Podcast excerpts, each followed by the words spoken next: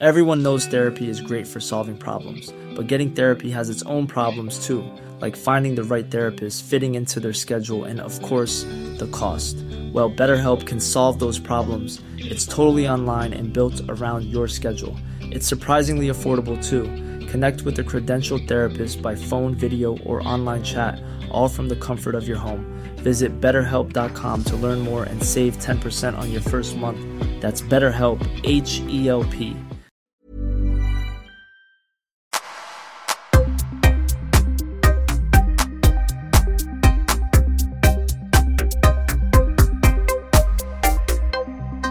Amo Cartwright, välkommen till Öppet sinne.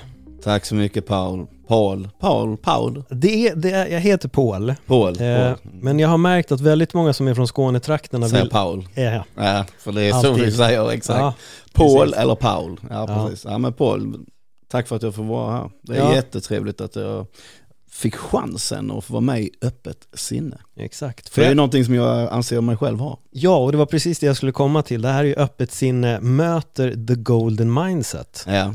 Och the golden mindset handlar allting om att ha ett öppet sinne, Ja. ha förståelse för andra människor och förståelse för sig själv. Mm. Och se livet från olika perspektiv. Alltså ha ett öppet sinne.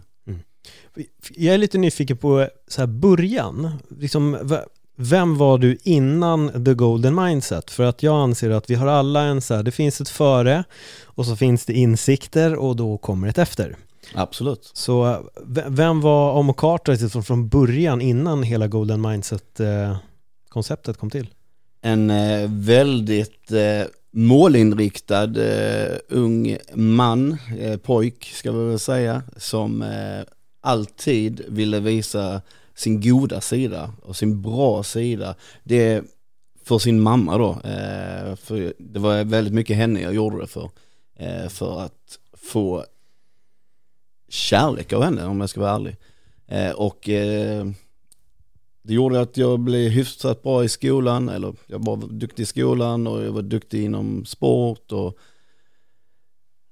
ville då att min mamma skulle komma dit och titta på mig och heja på mig och sånt. Men det gjorde hon aldrig. Men jag fortsatte jobba med det så att jag var väldigt duktig och hade stort självförtroende på utsidan men dålig självkänsla på insidan. Mm. Så att innan the golden mindset, innan, det var som då eh, runt 20-årsåldern, eh, början av 2021. Eh, då var jag ju väldigt glad men väldigt ledsen på insidan. Men jag var väldigt glad utåt, föräldrar älskade mig, mina kompisars föräldrar älskade mig för jag var alltid snäll, hjälpte alltid till. Det var väl mycket för att jag såg hur bra andra hade, mina vänner hade det med sina föräldrar och jag ville ha det. Och då blev jag ännu mer att eh, de skulle tycka om mig på något sätt. Eftersom jag inte fick det hemifrån. Vad, vad var det som gjorde dig ledsen? Att inte jag fick kärlek av min mamma.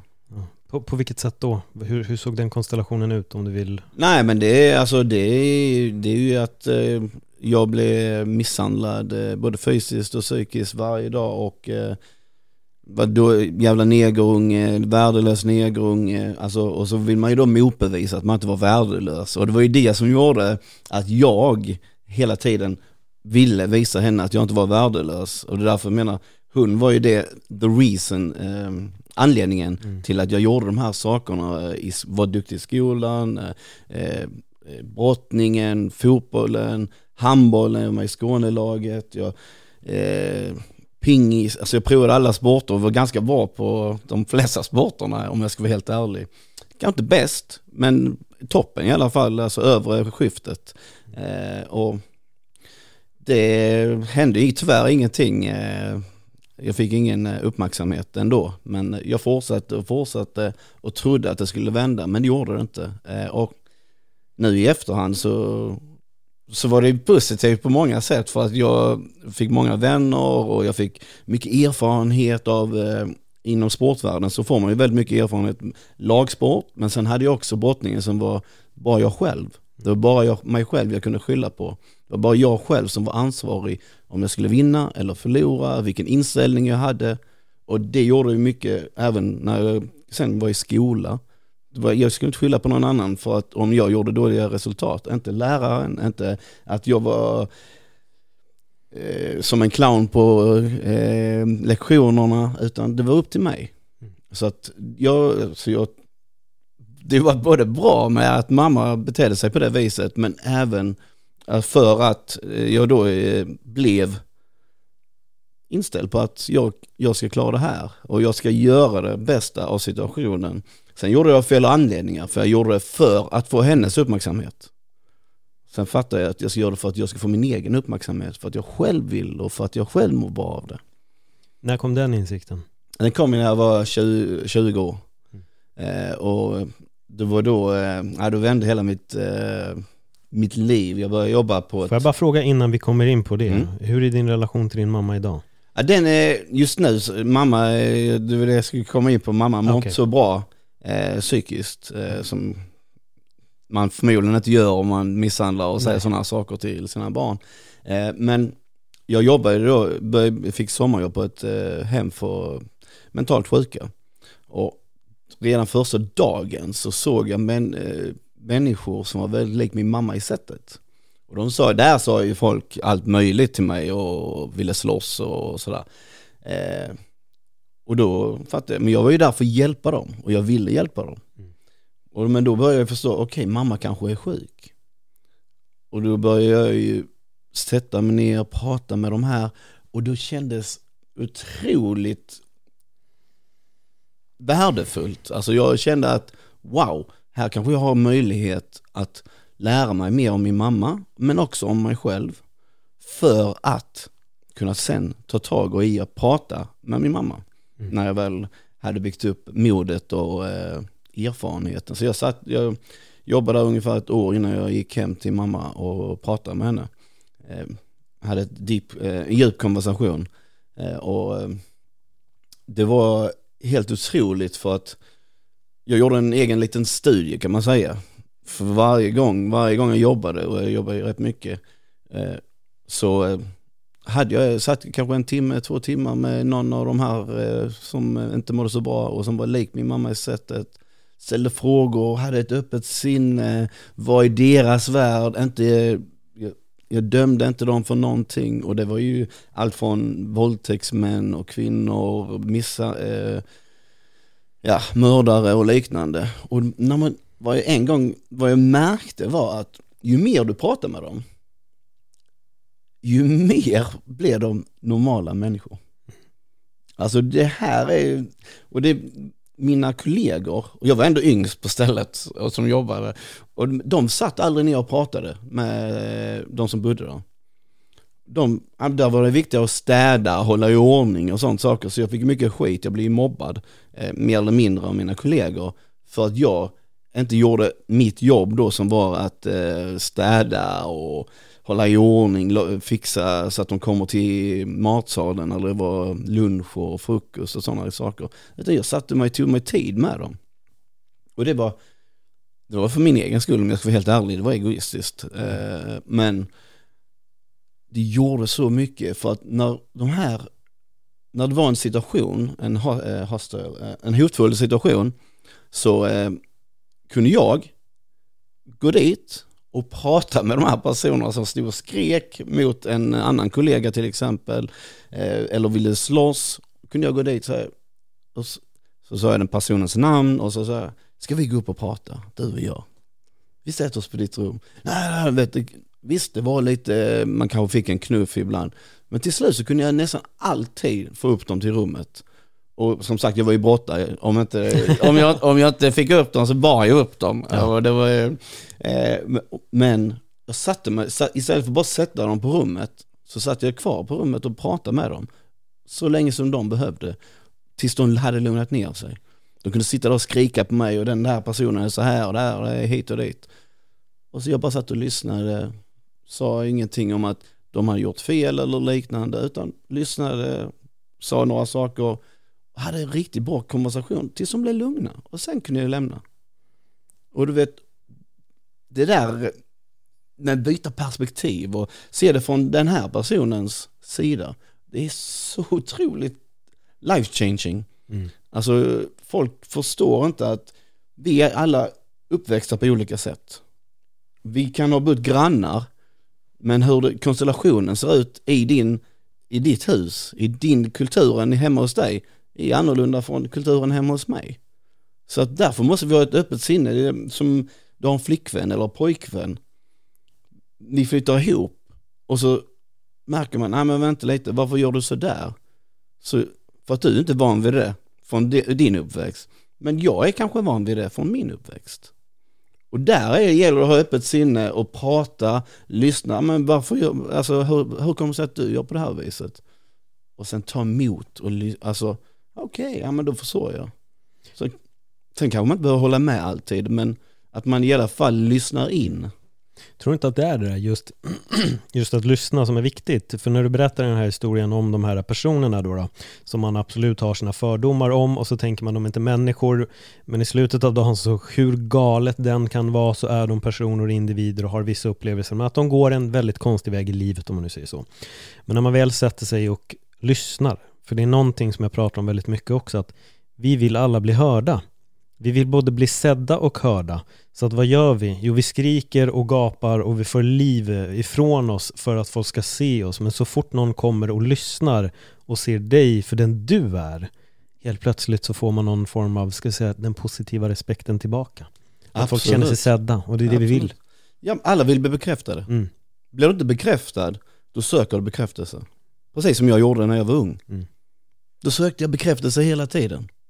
Vill ha bekräftelse från min mamma. Fick jag inte från min mamma, fick jag det av någon annan. Men det var inte de, de, var, de betydde ingenting för mig. För att jag ville bara ha det från min mamma.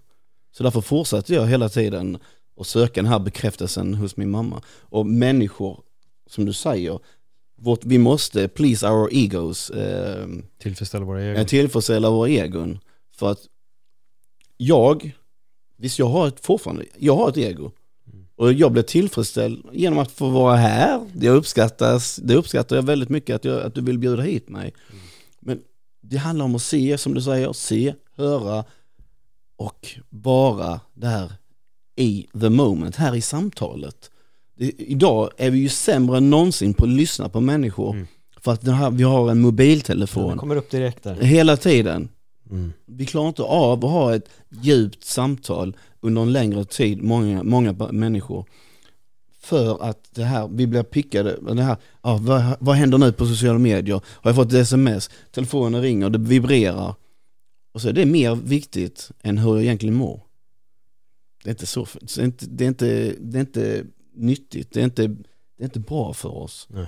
Och jag, jag, jag har skrivit det, jag har en bok, håller på med en bok nu Amonomics och då pratar jag mycket om det här med mobilen, hur det förstört vårt sätt att kommunicera. Vi tror att vi är sociala för att vi är sociala på sociala medier. Men vi har glömt hur det är att vara social så här. Utan en mobil. Bara sitta och prata med varandra. Vara här i stunden. Utan man är alltid så långt framåt eller långt bakåt, men man är inte här och nu med den personen man är med. Gå ut och ät på en restaurang. Hur många tar upp mobilen på restaurang? 98 procent. Ja, det var precis det jag skulle säga, för jag tänkt på det här så pass mycket. Just, just det här med att gå ut på en restaurang.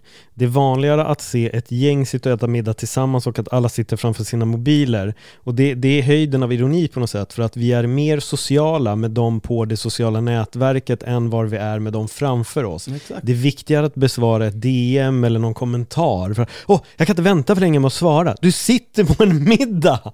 Du ska inte behöva svara någon just nu mer än bara de du sitter och har framför dig, men ändå Jävlar nu, vänta, måste jag... Tänk dig egentligen höjden av så här dålig... Vänta. Sorry, vi pausar intervjun här. Jaha, Instagram, like, like, like. Ja, jag ska bara svara mot, ja. gå och dricka en kaffe eller... Ja. Nej men alltså, det är galet att det är där vi har landat. Mm. Det är helt galet. Så jag är helt på din, din linje där med ja, telefonen. Ja, men, alltså. men det, det, är helt, alltså... Vi vill se ut på sociala medier som att vi är sociala. Mm. Och sen så sätter du dig i ett samtal, så människor har svårt att ha ett djupare samtal. Alltså, som vi pratade om innan, sårbarhet, innan vi börjar sändningen. Ja. Alltså, ingen, vi vågar inte vara sårbara på riktigt. Vi kan, vi kan lägga ut det på sociala medier, en viss sårbar grej egentligen. Men när vi sen sätter oss och vill prata om det på djupet, ja, då är vi inte lika bra på det. För vi är rädda för att vi ska börja gråta, bli ledsna, eh, vad ska den personen tycka om mig? Vem bryr sig? Vad tycker jag om mig själv? Är det här viktigt för mig att berätta? Det är alltid viktigt att få ut saker och ting. För håller man det inom sig, brukar jag säga, man impl- imploderar. Ja. Det kommer att sprängas till slut och då, vad händer då? Då exploderar vi. Och då är det de runt omkring oss som får skiten. Jag blir arg på dig, för, och jag vet inte varför jag blir arg. För att jag har hållit skiten inom mig så länge. Och du vet, jag var ju sån när jag var ung, jag exploderade. Impl- jag imploderade, jag svalde allt som min mamma sa och gjorde. Så när någon annan sa det, då exploderade jag genom att slåss. Ja, det var en fråga jag hade faktiskt Ja, till dig. ja, nu, nu, kom den, för jag undrade lite hur du höll det där i, i schakt. För det är ju väldigt vanligt att det blir ett utåtagerande. Jag har haft, det är några stycken i podden nu som har haft en liknande uppväxt som Mm. dig.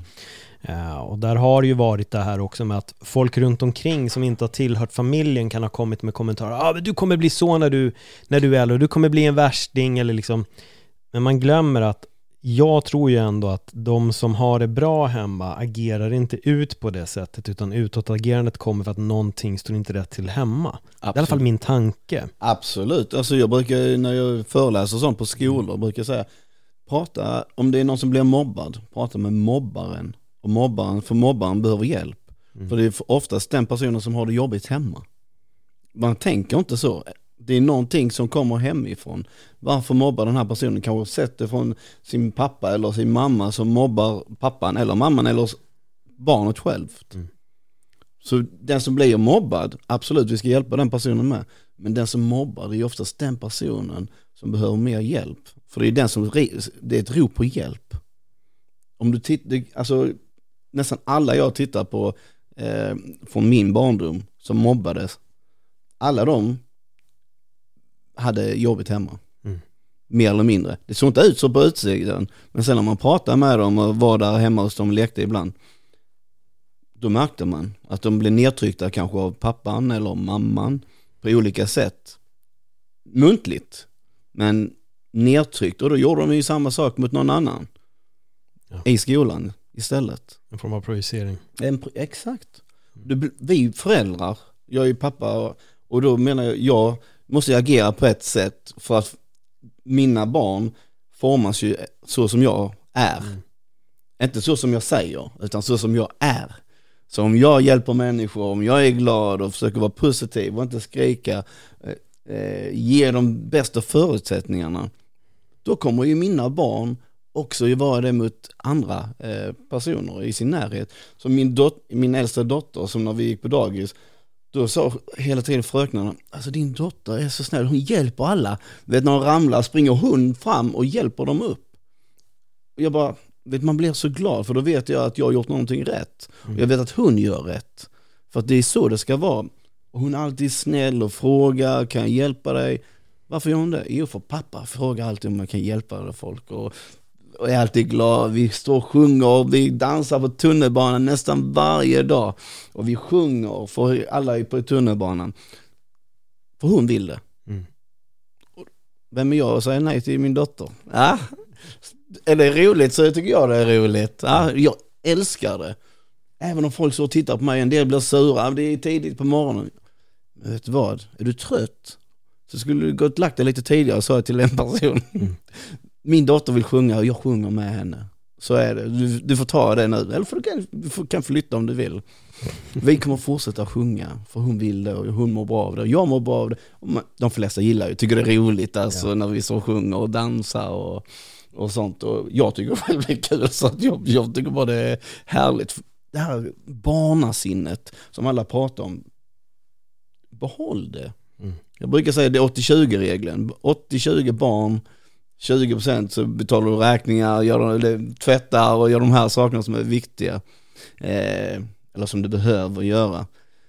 Men 80% av ditt, det ska vara att du ska le, du ska skratta. Barn skrattar 400 gånger om dagen i snitt ungefär. Medan vuxna snackar, eh, skrattar ungefär 20 gånger.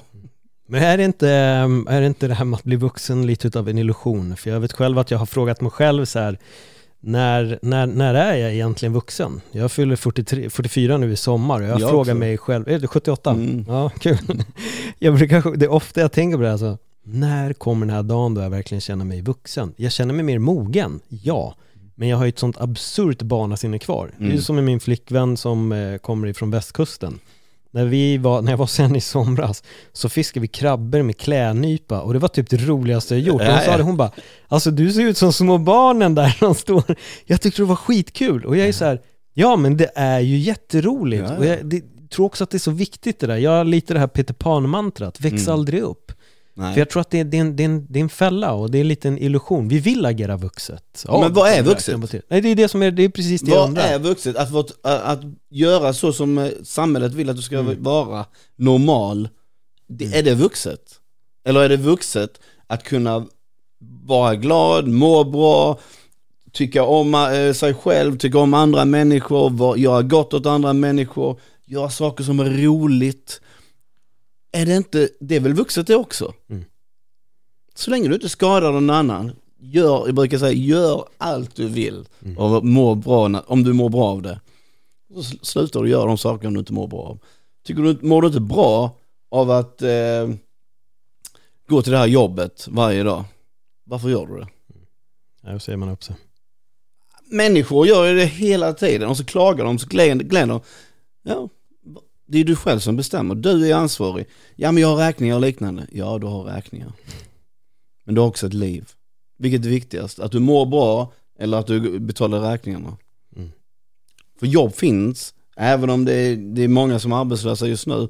Men där finns jobb. Vill du ta ett jobb? Jag har, jag har eh, jobbat inom det mesta eh, genom mitt liv och provat eh, jättemånga olika saker. För att det finns alltid jobb. Jag, jag, kan, du kan jobba på McDonalds, men du får oftast, är du för fin för att ställa dig på McDonalds i två månader medan du söker ett annat jobb. Why? Du mår du inte bra där du är, varför ska du fortsätta gå dit? Du mår inte bra, ändå fortsätter du gå dit. Och så undrar du varför du inte mår bra. Och du bara gnäller och gnäller och gnällandet gör ju, det blir en ond spiral. Och den spiralen går inte ner, uppåt menar jag, den går neråt. Så det blir bara värre och värre. Och det är ju samma som ett förhållande, om du är i ett negativt förhållande, destruktivt. Cool fact a crocodile can't stick out its tongue. Also, you can get health insurance for a month or just under a year in some states. United Healthcare short term insurance plans, underwritten by Golden Rule Insurance Company, offer flexible, budget friendly coverage for you. Learn more at uh1.com. Everyone knows therapy is great for solving problems, but getting therapy has its own problems too, like finding the right therapist, fitting into their schedule, and of course, the cost. Well, BetterHelp can solve those problems. It's totally online and built around your schedule. It's surprisingly affordable too. Connect with a credentialed therapist by phone, video, or online chat, all from the comfort of your home. Visit betterhelp.com to learn more and save 10% on your first month. That's BetterHelp, H E L P. Det är samma sak. Först ska du prata, försöka fixa det. Går det inte, ja då måste man göra mer drastiskt, lämna. Och det är där jag tror många misstar sig och gör fel. Att man fortsätter, ja ah, men okej, jag brukar säga så, har, du, har ni en gång brutit upp eller du har varit på gränsen, jag brukar säga det är som en fiskelina. Boom, den har snappat, äh, gått sönder. Mm. Sen knyter du, knyter du den igen, sen börjar du fiska igen.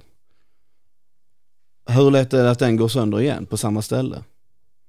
Jättelätt. Så förhållande, när du är i ett förhållande eller jobbförhållande eller vad det nu än är och det inte är bra och du, du, du bara patchar upp det lite grann.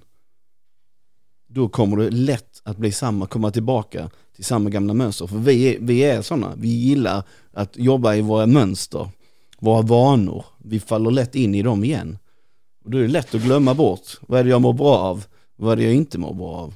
Och så är jag där igen och mår dåligt igen.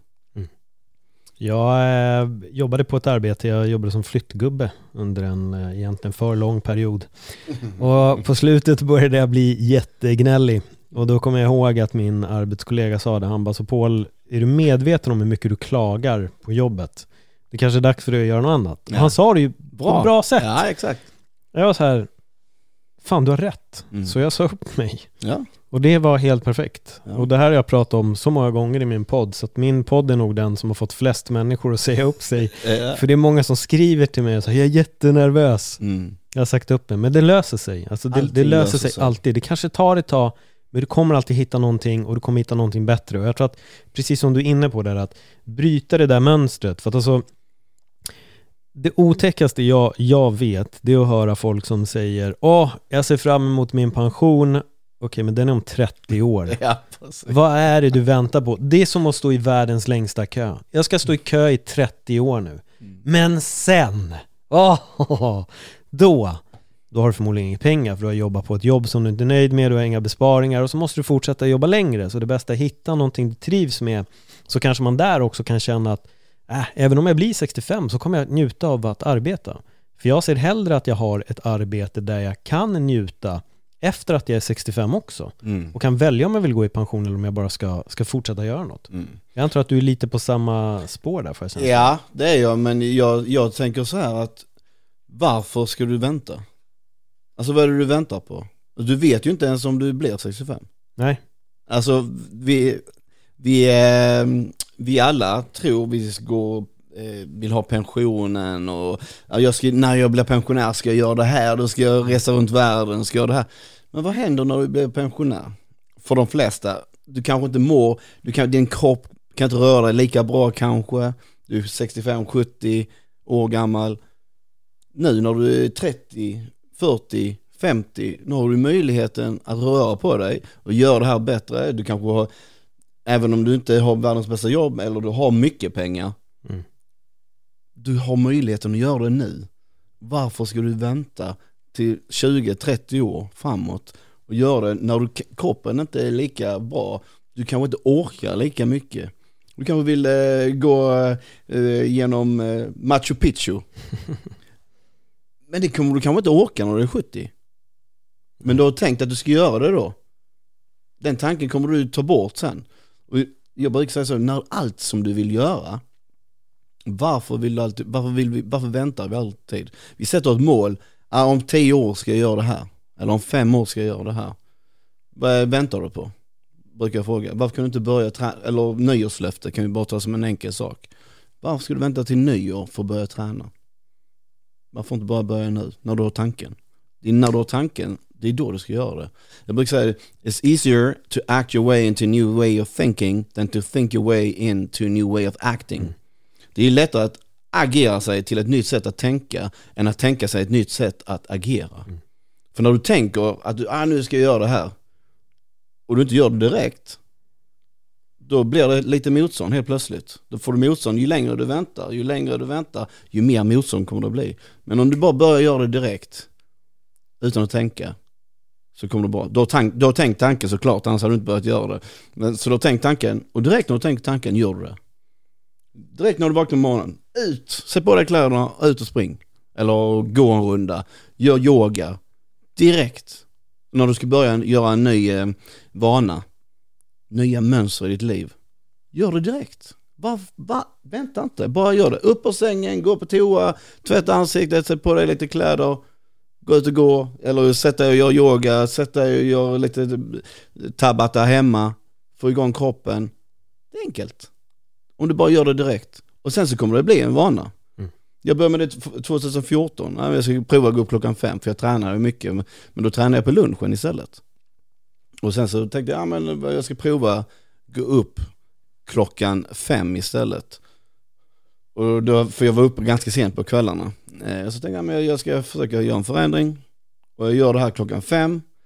Så sätter jag telefonen i eh, alarmet då i hallen. Tar in gymkläderna vid sängen och mina skor. Så när larmet går på morgonen så bara vaknar jag och så bara tramp, så ska jag gå upp och stänga av det så trampar jag på gymkläderna och skorna. Okej, då lägger jag till att sätta på det. Boom, satte på det, gick på, stängde av larmet, gick på toa, tog t- på mig kläder, eh, mössa och sånt och ut och sprang för det här var ju, jag vet inte om det var februari eller någon gång. Och då, boom, tänkte inte på det ju. Jag bara körde. Ja men det är väl lika bra, bam, på, på. Istället för att ligga, ah nej, stänga av, snusa. You snooze you lose, vet ju alla. eh, och sen så har jag bara fortsatt sedan 2014 med att gå upp klockan fem varje morgon. Och det blev en vana. Efter en månad skulle jag, jag, jag sa jag ska göra det 30 dagar. Så efter 30 dagar ska jag, jag har alltid den 30 dagar. allt jag provar är minst 30 dagar och då ska jag göra det varje dag i 30 dagar. Inte varannan dag utan varje dag.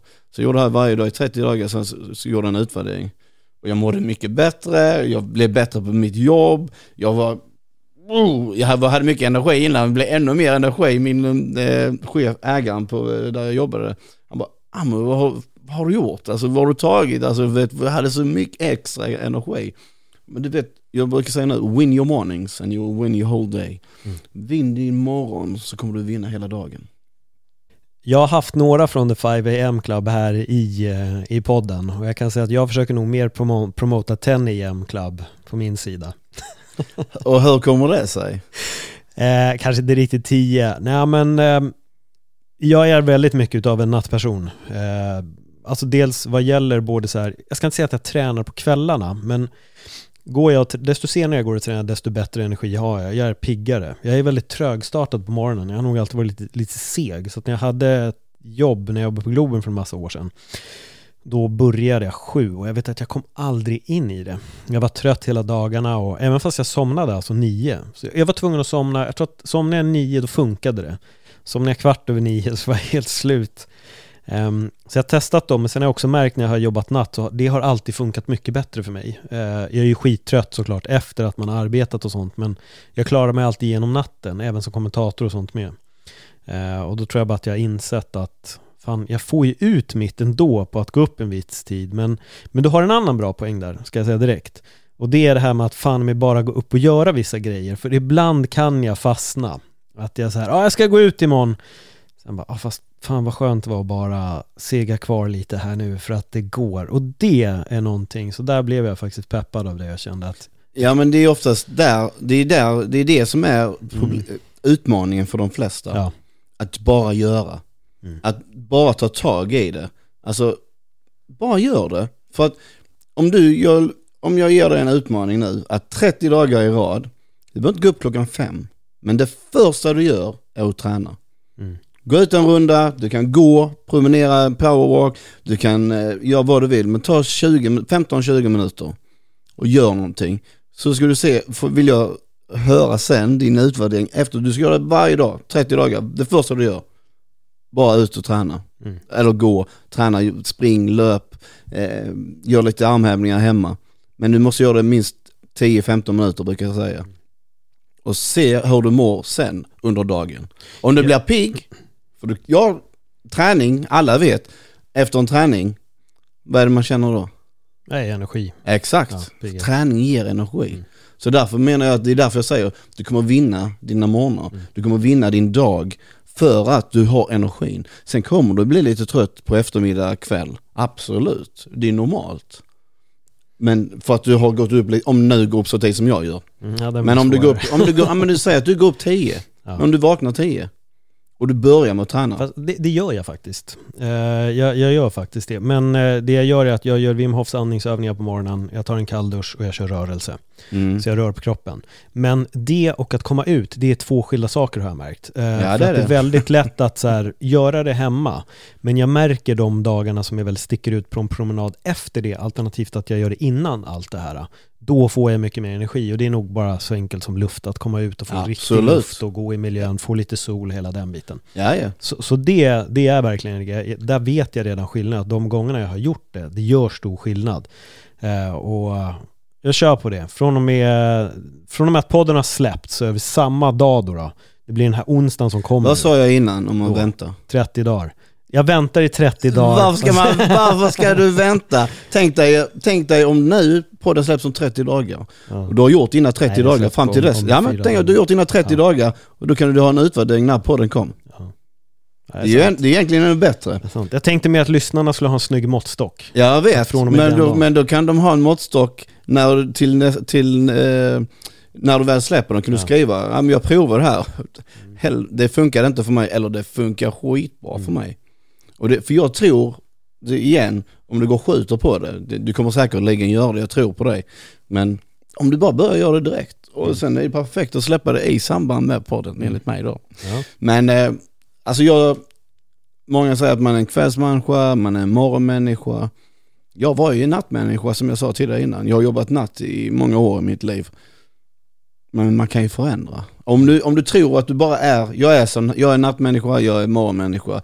Det, det visar sig, eh, eller man läser att det finns olika sammansättningar i våra kroppar som gör att vissa har lättare på kvällar och vissa har lättare på morgon.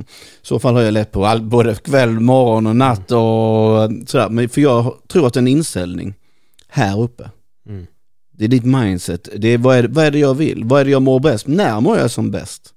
Vad är det jag behöver göra för att må som bäst? Kom ihåg alla de här gångerna när du mår bra. Varför mår du bra? Ställ frågan. Kommer du inte ihåg, eh, varför, eh, skriv ner då, om du behöver skriva ner. För att vi glömmer oftast fråga oss varför mår jag dåligt? Varför mår jag bra? Och så, vi frågar oss inte oss de frågorna själva. Det är de viktigaste frågorna för att du ska ha ett välmående i ditt liv. Alltså i, i, min bok, så efter varje kapitel, jag skriver en liten kort bok på te, eh, om stress, eh, telefon, eh, att använda, att eh, smartphone kills, eh, jag skrev på eng engelska så därför blir det lite engelska. hur eh, du blir en doer, eh, liknande. Efter varje så har jag eh, lite frågor, golden questions som jag kallar, som man ska fråga sig själv. Inte mina frågor, utan dina frågor till dig själv. Gör jag det här? Varför mår jag inte bra? Och liknande, sårbarhet är jag sårbar? Är jag öppen mot min familj? Är jag öppen mot mina vänner?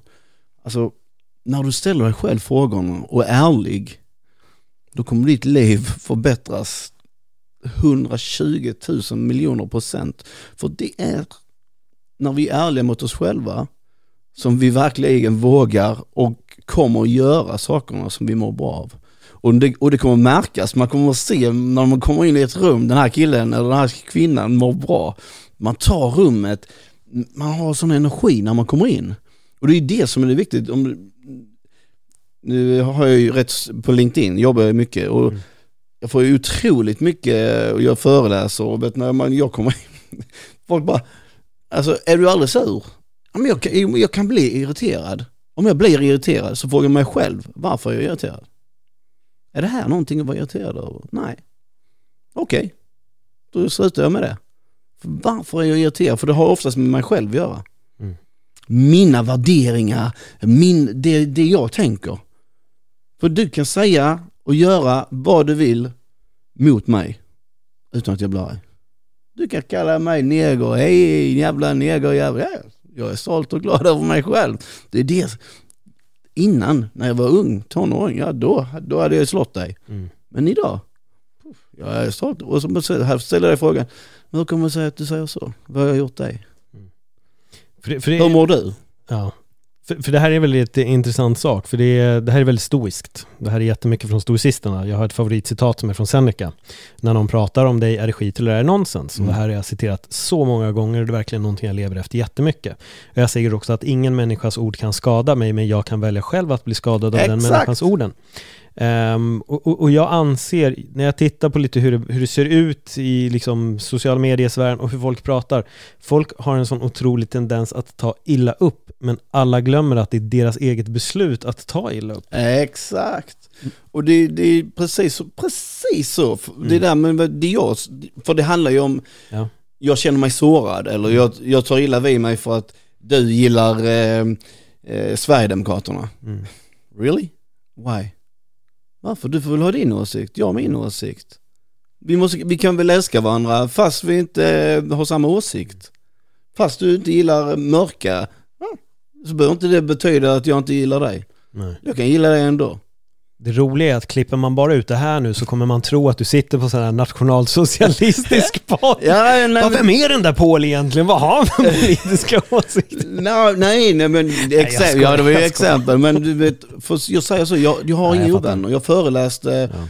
för hundra, massor, hundra, flera hundra personer och då var det, kom SDs partiledare, eller inte partiledare, partisekreterare fram och frågade om jag kunde föreläsa hos dem. Mm. Ja, absolut, säger jag. Jättebra och jag uppskattar verkligen att du frågar mig, för jag hade pratat mycket om eh, segregation, eh, invandring, utvandring. Jag sa, men om vi tänker på svenskar som eh, flyttar till Spanien, var flyttar de någonstans säger eh, Marbella kanske? Och vilka är det de bor runt? Är det spanjorer? Eller är det andra inflyttade från England, Norge, Sverige. Ja, all, de flesta är ju från expats, eh, sådana som har flyttat dit, där de flyttar. De flyttar inte till ett område där bara bor spanjorer. De flesta. Och så, och så gnäller vi på invandrare till Sverige som flyttar till Tensta till exempel, till Rosengård. För att de vill vara där de känner igen sig. Människor som är som dem. Absolut, jag förstår det. Det är inte så konstigt för vi svenskar gör likadant. Om du åker till Australien, likadant. Jag har varit i Australien, det var ett svenskt samhälle där jag, jag besökte en kompis. Eller både svenskar men väldigt mycket från Europa. Mm. Så att det var rätt roligt. Vi gör likadant. Men sen när det är invandrare som flyttar hit till vårt land, då tycker vi att det är fel. Att det är fel, att de gör fel. Att de, borde, de ska integreras. Ja, men, ja visst, de själv segregerar sig själv på ett sätt. Det betyder inte att vi inte ska försöka integrera dem. Och det är samma, vi måste bara vara öppna mot alla människor och förstå deras perspektiv. Det här med perspektiv igen. Alltså det är så lätt att döma, döma, döma. Jag brukar säga sluta döma, börja berömma. För det är mycket roligare. Men när, när, när började de här sakerna att landa i dig? Alltså att vända ifrån att nu ta illa upp när någon säger Nej, något. när jag var 21. När jag hade tagit det här samtalet, jag, efter ett år då när jag jobbade så åkte jag hem till min mamma och så tog jag ett samtal med henne, cirka tre timmar långt eh, och bara pratade om allt jag kom ihåg från, jag kanske var fyra år gammal, eh, misshandel och sånt. Och då sa jag, det där med den fysiska misshandeln, den gör ingenting, det går över så. Men den psykiska misshandeln, det var den som gjorde mest ont. Det var den som gjorde så att jag agerade ut mot andra människor. När de sa de här orden. Och jag ville inte det, jag ville aldrig slåss. Men det blev så för att när de orden kom, då svartnade för mina ögon jag slogs, slog. Och jag var inte rädd för någon, de kunde vara två meter långa, jag är 1,70 du vet, jag, men jag var ju borta så jag var inte, det var också det att jag, jag kände mig trygg i mig själv, jag kunde lyfta och slänga vem som helst. Det handlar om tekniken när det är brottning ju. Så de kan egentligen vara hur tunga som helst, men och då bara slogs jag och jag hatade det varje gång. Jag gillade inte det alls. Jag mådde dåligt efter så jag slog ofta bara en gång och sen så frågade jag sorry, till hjälpte personen upp om de hade ramlat. Eller så, vi slutar nu, sorry. Vet, för att det var det här bråkdelen av en sekund när jag hörde ordet som jag bara bam, slog. Och det var ingenting jag mådde bra av. Så att mm. det har slutat med, eh, efter det här samtalet så har jag ju inte slått efter det. Eh, och det är jag hur glad som helst över. Eh, och det är ju 22 år sedan nu. Jag kom på att det är en sak jag inte har frågat. Var mm. var din pappa under allt det här? Min pappa eh, flytt, de särvade sig när jag var tre och det var ju då misshandeln började. Okay, eh, han flyttade till eh, Västerås. Så att vi var hos honom på loven. Och vi berättade ju aldrig för honom vad som hände hemma för att vet, när man var där då var det woo, då var det allting gött och man hade det bra, han var snäll och gav oss nästan allt, eller väldigt mycket i alla fall. Och, för han hade oss barn under korta perioder ju. Mm sommarlov och vinterlov och eh, påsklov sådär. Så att eh, det var ju, som jag sagt till honom i efterhand, att han var lika skyldig egentligen. För även om inte vi sa någonting så borde han förstått.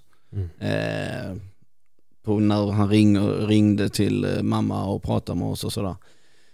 Eh, även om inte vi sa någonting. Men vi fick ju flytta hemifrån där när jag var 13 år gammal. Eh, flytta hem till min moster då istället för att ja, de, de, de tog eh, min morfar och de eh, hämtade oss för att ja, det hade gått för långt. Oj då. Ja, så att eh, då fick vi flytta hem till vår moster då. Eh, så att där, där, om inte något så skulle han ju fattat det där när vi var 13. Så, men han var så uppe i, i, i sitt egna, han är konstnär och han var uppe i det och glöm, han säger att ja, men vi var viktigast, men ja, fast egentligen var du, du var viktigare din karriär var viktigare för dig än att ta Ja men ni hade det bra där sa hon. Ja, vi hade det bra. Men vi hade ju hellre sett att vi flyttade till dig än till vår moster egentligen. Mm. Så att, eh, men så är det. Och han, ja, han bor ju hemma hos mig nu. Jag har tagit hem honom så jag, han bor hos mig eh, eh, sen ja, några år tillbaka. Så att jag jag har berättat allt, pratat om det här väldigt mycket med honom att han var lika ansvarig som eh, mamma. Hur har han tagit det? Inte bra. Nej. Nej, han ser ju inte sig själv som eh, att han gjorde fel. Eh, han tycker bara att han, han gjorde rätt eh, hela tiden. Och jag säger, är det rätt när dina barn lider? Är det rätt att du valde din karriär framför att dina barns välmående? Att du, du trodde att det var bättre för oss att bo hemma hos vår moster än att bo hos dig.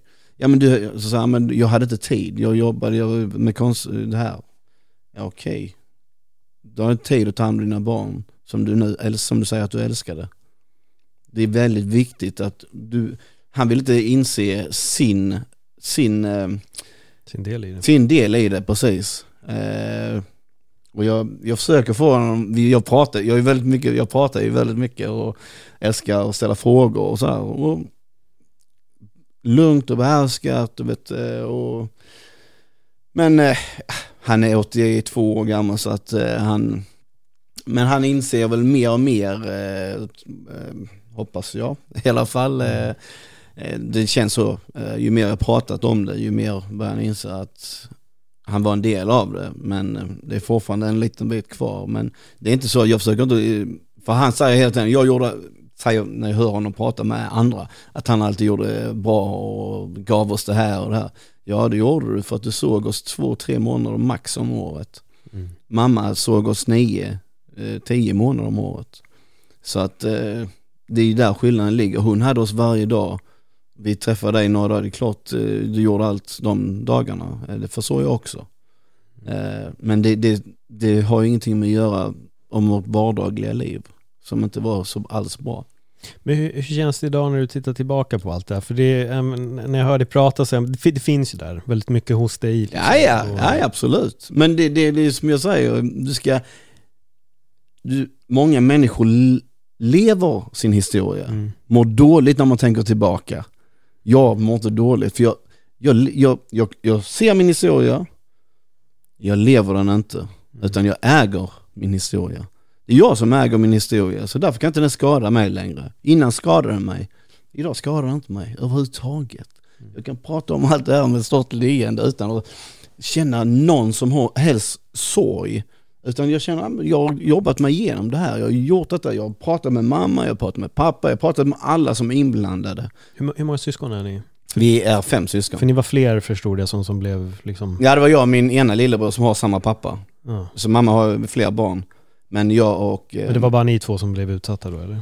Ja, det är där precis då när vi flyttade precis. Mm.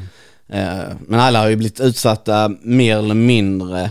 Eh, men vi blev väldigt mycket utsatta som vi var mörka och de andra är inte mörka. Mm. Eh, så att det var därför det var att vi fick flytta då. Mm. Men så att det, vi, och vi, våra syskonen är väldigt nära så att det bra. Särskilt vi fyra bröder. Så att eh, vi är väldigt nära. Eh, vi har en storebror också. Mm. Så att eh, det är jättekul och, och vi mår bra och som jag sa innan, vi ska inte leva vår historia. För då när det händer någonting liknande så, så får vi en tanke tillbaka till inombords om vad som, vad som hände när jag var liten eller i ett förhållande kanske. Och så mår jag dåligt och så stänger jag in mig själv eller, och, och, och bara tycker synd om mig själv. Istället för att, ah, okej, okay, det har hänt. Nu, för mig så är varje situation en ny situation. Förr var det inte så, men nu är det det. Sen de sista ja, 20 åren typ. För att det är sån jävla styrka att äga sin historia. Istället för att leva den, för då kan vad som helst hända som triggar den. Vi har triggers och jag hade också triggers innan. Men nu har jag bara triggers som är goda. Alltså positiva triggers. Så att, oh, det här triggar mig till att och jag vill veta mer om Paul. Jag vill veta mer, varför säger han så här? Hur, hur tänker han när han säger så här till mig? Varför jag säger han så här? Oh, vet, det triggar mig nu, på, istället för att jag blir arg på dig så vill jag veta mer. Förstå dig. Mm. Och det, alltså det är guld värt alltså. Också så att vi kommer närmare. Ja, ja. Exakt. Men hur är det själv, alltså med din historia? Du berättade ju lite innan om att du hade en, eh, mm. ett syskon som eh, blev mördad. Ja, det har ju varit sjukt jobbigt. Mm. Det har det ju varit, absolut. Det är, en, det är en chock att få den informationen. Nu finns det säkert folk som inte känner till den storyn. Men det finns ett avsnitt som heter Öppna mitt sinne, jag saknar dig lillebror. Och där kan ni höra allting om ni verkligen vill lyssna på hela den historien. Då. Eh, och det var då 2016 så vart han ihjälskjuten. Mm. Eh, men det är ju... Alltså det är trauma på många plan. Jag tror att det jag känner igen mig i dig är det att jag aldrig haft problem att prata om det. Mm. Att när folk har frågat så har jag varit väldigt ärlig och öppen och det kan nog ha chockat folk att jag har pratat väldigt öppet om det. Mm. Men det är mitt sätt att bearbeta. Ja, ja, Och jag tror att det är samma för dig, att varje gång som den här historien kommer upp ifrån dig så är det också varje gång den får liksom bearbetas en gång till och desto fler gånger man bearbetar dem till slut så blir det klart. Jag brukar säga, varje, ju mer du pratar om det, så är det precis som med din träning. Ju mer du tränar, ju bättre blir du. Mm. Exakt. Och ju Exakt. mer du pratar om det, ju bättre blir du på att prata om det och må bra om, om det. Ja. Och inte må dåligt av det. Nej. Det är alltid jobbigt i början. Precis som du ska ta ditt, göra ditt första gympass någonsin. kommer att vara jättejobbigt. Din första enmilslöpning kommer att vara skitjobbigt. Men det kommer bara bli lättare och lättare ju mer du gör det. Mm. Och det är samma är det med att prata. Prata om sina känslor, prata om sin sårbarhet. Ju mer du gör det, ju mer, ju lättare kommer det bli. Det är fantastiskt enkelt på ett sätt och det är otäckt hur få som förstår det. Absolut. Att det istället är mycket lättare att bara så här vara tyst om det, stänga in det, packa in och sen blir det imploderingen, eller om det var explosionen du pratade Ja, om. först impl- im- inombords, där exakt. du mår dåligt själv. Ja. Och sen blir det explosion Ja. där, du både, där du gör dåligt mot andra människor. Mm. Och det är det jag tror att det är viktigt för oss att verkligen öppna upp oss. Man måste våga prata. Sen behöver man inte, det är inte det första man gör på tunnelbanan, bara hej hej, nu ska jag berätta min story. Det är inte så, men, men jag tror det är viktigt att när grejer kommer upp, att ändå våga bara släppa ut dem, för det är, eh, alltså det är läkande. Absolut, och en sak som jag har märkt, när jag coachar ju mycket Mm. och då, jag brukar berätta en, om det är en story om mig själv som är sårbar. Mm. Då, då öppnar jag dörren. Välkommen in. Mm. Och så berättar jag och då är det mycket lättare för den andra personen att gå och öppna sin dörr. Och börja berätta om sårbara saker. Alltså jag på LinkedIn, jag har träffat ungefär eh, 1300 pers one to one.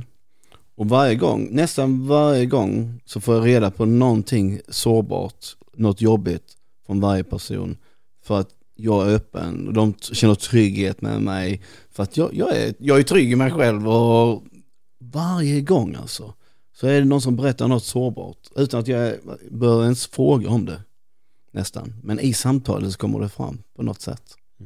Och det är helt underbart och vilken styrka. Jag brukar säga, jag uppskattar verkligen att du berättar det och jag, det är väldigt starkt och är det någonting så säg till. Ska jag se om jag kan hjälpa dig på något sätt. Det är, livet handlar om att kunna vara sig själv och må bra med sig själv. Och, för då kommer du sprida det till andra människor också. Men det är det, tror att det, det smittar av och det är något som jag har Absolut. märkt i den här podden också, att folk kan ha kommit in för att prata om ett ämne men sen landar vi på något helt annat. Ja, ja. Och det är det jag gillar med, med podden och samtalet, att alltså, våga öppna upp sig. Det är inte alla som gör det. Vissa kommer hit och berättar bara exakt det de ska berätta och, och så är det klart. Och det är Ja, ja. jättebra. Men sen finns det de som helt plötsligt öppnar en annan dörr och då Mm. kommer den här sårbarheten fram. Och jag tror att vi behöver eh, få fram det. För att Ja, det är så många som alla kan relatera till. Alla har någon grej i bagaget. Det finns alltid något, Ja. eller fler saker. Ja. Eh, Och jag tror att desto fler sådana här historier de hör, som om din barndom eller om det här med min lillebror, då blir det helt plötsligt att okej, fan, Amo är inte bara den här odödliga killen som alltid är glad, utan det finns något där också. Det finns någonting mycket djupare i det här. Och det kan vi alla relatera till och så vill vi alltid uppnå den här glädjen och kunna sprida den.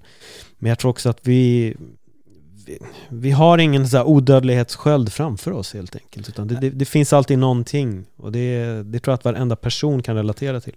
Det finns ingen människa, du kan komma, jag jobbade med ungdomar innan som har hamnat snett. En av de ungdomarna, är den värsta, han kom från ett hem som på utsidan såg ut som det finaste hemmet. Båda föräldrarna var egna företagare, stenrika. Han fick allt han tittade på, eller ville ha, Eller de kom hem med grejer till honom. Det var en sak han inte fick. Kärlek. Exakt. Mm. Han fick, de sa inte, de gav han aldrig en kram. Nej. Så första gången jag kramade honom när han blev mm, aggressiv, så kramade jag honom och sa jag älskar dig och så sa jag hans namn då. Och han blev helt, han, han bara stelnade och började böla. Och så bara, jag fattade först ingenting. Eh, och jag bara höll kvar honom. För han, var, han skulle precis hoppa på eh, några andra ungdomar då. Och då så bara berättar han efter vi gick in på hans rum och så sa han, ingen har vågat ta i mig. Han var ganska stor, han var väldigt stor. Eh, så- Så ingen har rört mig någonsin. Och så gör du det och så kramar du mig och så säger du att du älskar mig. Och så börjar han berätta om sina föräldrar, om att det här som jag då sa precis, det hade inte ens berättat för psykologen. De hade ingen aning, för att ingen har varit så nära honom. Vet, han öppnade upp bara för att jag kramade honom och sa de här orden. För jag var inte eh, psykolog, det medicinska, du vet. Utan jag var, jag var vännen, eh, broren, whatever till honom. Någon som man kunde dela med sig till. Vet, du, du menade det också. Ja exakt, och det är det, det precis, handlar jag menar ju det. Ja. Och det är där, det, det är skillnad. Jag, var inte, jag sa inte bara för att jag ville jag, skriva ner en journal. För jag skrev inte detta i journalen någonstans. Utan jag, jag bara, det var mellan mig och honom. Mm. Jag kanske skulle gjort det egentligen men, men eh, för, för, för mig var det så starkt moment. Så från den dagen eh, så frågade jag alla, även eh, nu under covid-tider, om de vill ha en kram. Alla mina föreläsningar jag har haft så, så kramar jag nästan alla. Och, och vill de inte så är det okej. Men jag ställer frågan. Och särskilt innan covid, alltså jag var på, en- det hade 300 pers, eh, jag kramade alla utom en person som inte ville. Mm. Alla. Det finns inte någon som inte ska ha en kram när de träffar mig. Alla som jag möter, de får en kram. Nu har inte du fått det idag för du gav mig en fisk och tänkte du kanske är nojig. Annars brukar jag alltid erbjuda kramen. För att det, man vet aldrig, det är många personer som jag har haft på mina föreläsningar som inte har någon. Som har sagt, kommit till mig och sagt, eh, alltså jag har inte fått en kram på flera månader. Nej. Hur ledsamt är det? Nej, men du, du ska också få en kram. Jag, jag kan Wow. det där med kramar. Det sa faktiskt min mormor också. Men hon bara, Paul vet hur man kramas. Bra. Han kramar hårt och det är med mycket kärlek. Och så vet jag några som har sagt, men du kramar bra för att du, du släpper inte på en gång. Mm. Så nej, jag får, då är det samma. Vill, vill du veta varför du fick en fistbump? Ja, För jag hade precis borstat tänderna så ena handen var helt blöt. ja, ja. Så därför gav jag, annars hade jag skakat hand med dig. Men att jag bara, jag ska inte sträcka, jag tycker själv lite obehagligt när man får den här helt blöta handen så jag tänkte fistbump och sen så kommer resten. Nej, Du finner lite, lite så här kuriosa bakom kulisserna Ja, precis. konversationer. Du, jag tänkte, vi, vi, det här är ett sjukt bra samtal. Ja. Jag, jag kan direkt säga att jag vill att du kommer tillbaka vid tillfälle. Ja, I ja, princip precis. när som helst, om du vill promota boken när det är dags. Liksom, Ja, ja, så sätter ja. vi oss och, och surrar Absolut. igen. Ja. Ehm, men om du bara skulle ge liksom så ett sista råd till någon, det får egentligen vara vad som helst, men, men har du någonting du skulle vilja ge om kanske bara att få ett bättre, ett, liksom kicka igång det här golden mindset, vad skulle du säga då? Jag- Det första jag skulle säga och det som jag tycker är viktigast är att ställa sig själv i spegeln och säga jag älskar dig och fråga vad mår jag bra av, vad mår jag inte bra av. Börja göra mer av de sakerna som du mår bra av, göra mindre, börja sudda ut de sakerna som du inte mår bra av. Och, säga, och sen varför, varför vill jag göra de här sakerna? Varför vill jag inte göra de här sakerna? Varför mår jag bra av de här sakerna? Varför mår jag inte bra av de här sakerna? Men uppskatta dig själv. Titta dig själv in i ögonen i spegeln och säg jag uppskattar dig Ammo. Jag älskar dig Ammo. Idag kommer att bli en riktigt bra dag. Super. Det är så enkelt. Ja.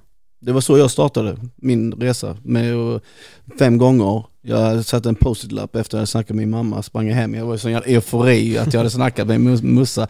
Stack jag hem, satte en post-it-lapp på min badrumsspegel. Och jag dricker mycket vatten, jag tränar ju mycket, så jag går mycket på toa. Så då sa jag, jag ska, varje gång ska jag läsa det här skrev, jag älskar dig Ammo. Nej, du är bra Ammo, jag älskar dig. Och så skulle jag läsa det varje gång, då var jag 21. Så du vet, i början skrattade jag lite sådär. Men jag skulle läsa det fem gånger varje gång. Så på en dag kunde jag göra det mellan 30 till 50 gånger. Kunde jag läsa den här lappen. Jag bara stod och gjorde det, stod och gjorde det, tvingade mig själv. Och så efter 9-10 månader tog jag ner den lappen och så sa jag, från med idag är det jag som bestämmer hur jag mår, ingen annan. Mm. Och jag vill säga en sak, alltså ingenting från, även om jag gjorde det här och, eh, och efter 9 månader och 10 månader mådde mycket bättre och allting gick uppåt så gick det neråt också. För att ingenting är en spikväg rak, väg rakt uppåt. Utan jag, jag hade bakslag. Jag hade utmaningar, jag hamnade i mindre, började tänka mycket och sen så tänkte jag bort det igen. Så jag, jag, sa, jag brukar säga så att jag var som en sten i början. Boom! En sten studsar inte. Sen så blev jag lite mer som en medicinboll och sen som en fotboll och sen som en tennisboll. Och idag, då är jag som en studsboll. Boom! Direkt hittar jag rätt. Vet vad, hur jag ska hantera, vilka frågor ska jag ställa mig själv, vilka frågor ska jag ställa Paul. Det här, det här, det är det det handlar om. Du vet, när man väl hittar kärleken till sig själv och till livet och till andra. Det finns inget bättre och då kommer glädjen. Och det är inte, hap, eh, det är inte lycka, utan det är glädje. Lycka är enligt mig externt. För att det är när, när din flickvän till exempel, det kan vara att du har fått ett nytt jobb, då blir du lycklig och glad. Dina barn. Men glädje kommer inifrån, det är internt. Så när jag var hemlös eh, för x antal år sedan i Bahamas, jag bodde i Bahamas. Jag var den gladaste människan på hela ön. Folk mötte mig, ingen fattade att jag kunde fatta att jag var hemlös. Men, för jag var hem, hamnade i tidningen två gånger, vet, där med min dotter i barnvagn. Bara för att jag mådde bra på insidan. Utsidan var shitty. Mm. Det var riktigt skit. Men jag mådde så bra här så att jag bara, hey, life is great. Jag ska göra mitt för att han komma rätt igen. Ja, vi ser. Det är, en helt eh, magisk historia här. Och som han säger också, vi kan göra det nu, inte Abs- imorgon. Exakt. Eller vänta i 30 dagar. Sätt upp den här lappen på, på bad, i badrummet direkt efter att ni har lyssnat på avsnittet och börja. Precis, badrummet. eh, Den har gjort tusen för många människor kan jag berätta om. Ja. Som jag har hjälpt. Så det jättekul. Mm. Jag vill också säga som du brukar säga, för att det är också något jag brukar göra när jag avslutar min podd. Tack för ett jättebra samtal och tack för att du delar och öppnar upp dig om allting som du öppnar upp dig av i det här avsnittet. Det har varit väldigt eh, inspirerande att, att lyssna på din story. Jag vet, att, jag vet ju redan att folk är inspirerade av dig med tanke på LinkedIn och hela den biten. Men eh, det ska bli kul att eh, se vad, vad folk tycker om det här och jag vet att det är någon där ute nu som kommer att sätta upp den där lappen och sparka. Ja, ja precis, men det får vi hoppas och jag uppskattar verkligen att du, du, Ja. du bjöd in mig Paul och det har varit jättetrevligt och uppskattat att du delar med dig av lite Ja. av dina saker också. Såklart, såklart. Och om ni vill höra mer av min historia så släpper jag ju många avsnitt som heter just Öppnar mitt sinne där jag går in på så mycket om mitt eget liv. Så ifall ni blir eh, nyfikna på mer så kan ni ha det, hitta ni det där. Och glöm inte heller att scrolla igenom för det finns ett gäng intervjuer. Och sist men inte minst, jag är jättedålig på att pusha min Patreon. Men det finns en Patreon för öppet sinne. Vill ni backa podden för att ni gillar det här, de här intervjun, de här typen av samtal där vi går djupare och utforskar livet, sårbarhet och den inre resan, stötta jättegärna podden så, så kommer processen att, att fortsätta. Det tycker jag alla ska göra. Det tycker jag med. Men återigen, stort tack. Jag ser fram emot boken. Det Jag också. ser jag väldigt mycket fram emot. Så nu får du se till att få den klar. Ja. Så man kan börja läsa. ja, exakt. Just det, om man inte redan följer dig på LinkedIn, hur hittar man dig där? Ja det är Amo Cartwright eh, på LinkedIn och sen eh, Amo Cartwright official på Instagram. Mm. Ja. Så att det, det är där, det är de två forumen jag använder mest. Super. Där har ni det. Kom ihåg, se till att påbörja ert golden mindset redan nu. Så Stay golden! stay golden. Tack för att ni lyssnade. Hej då. Hej.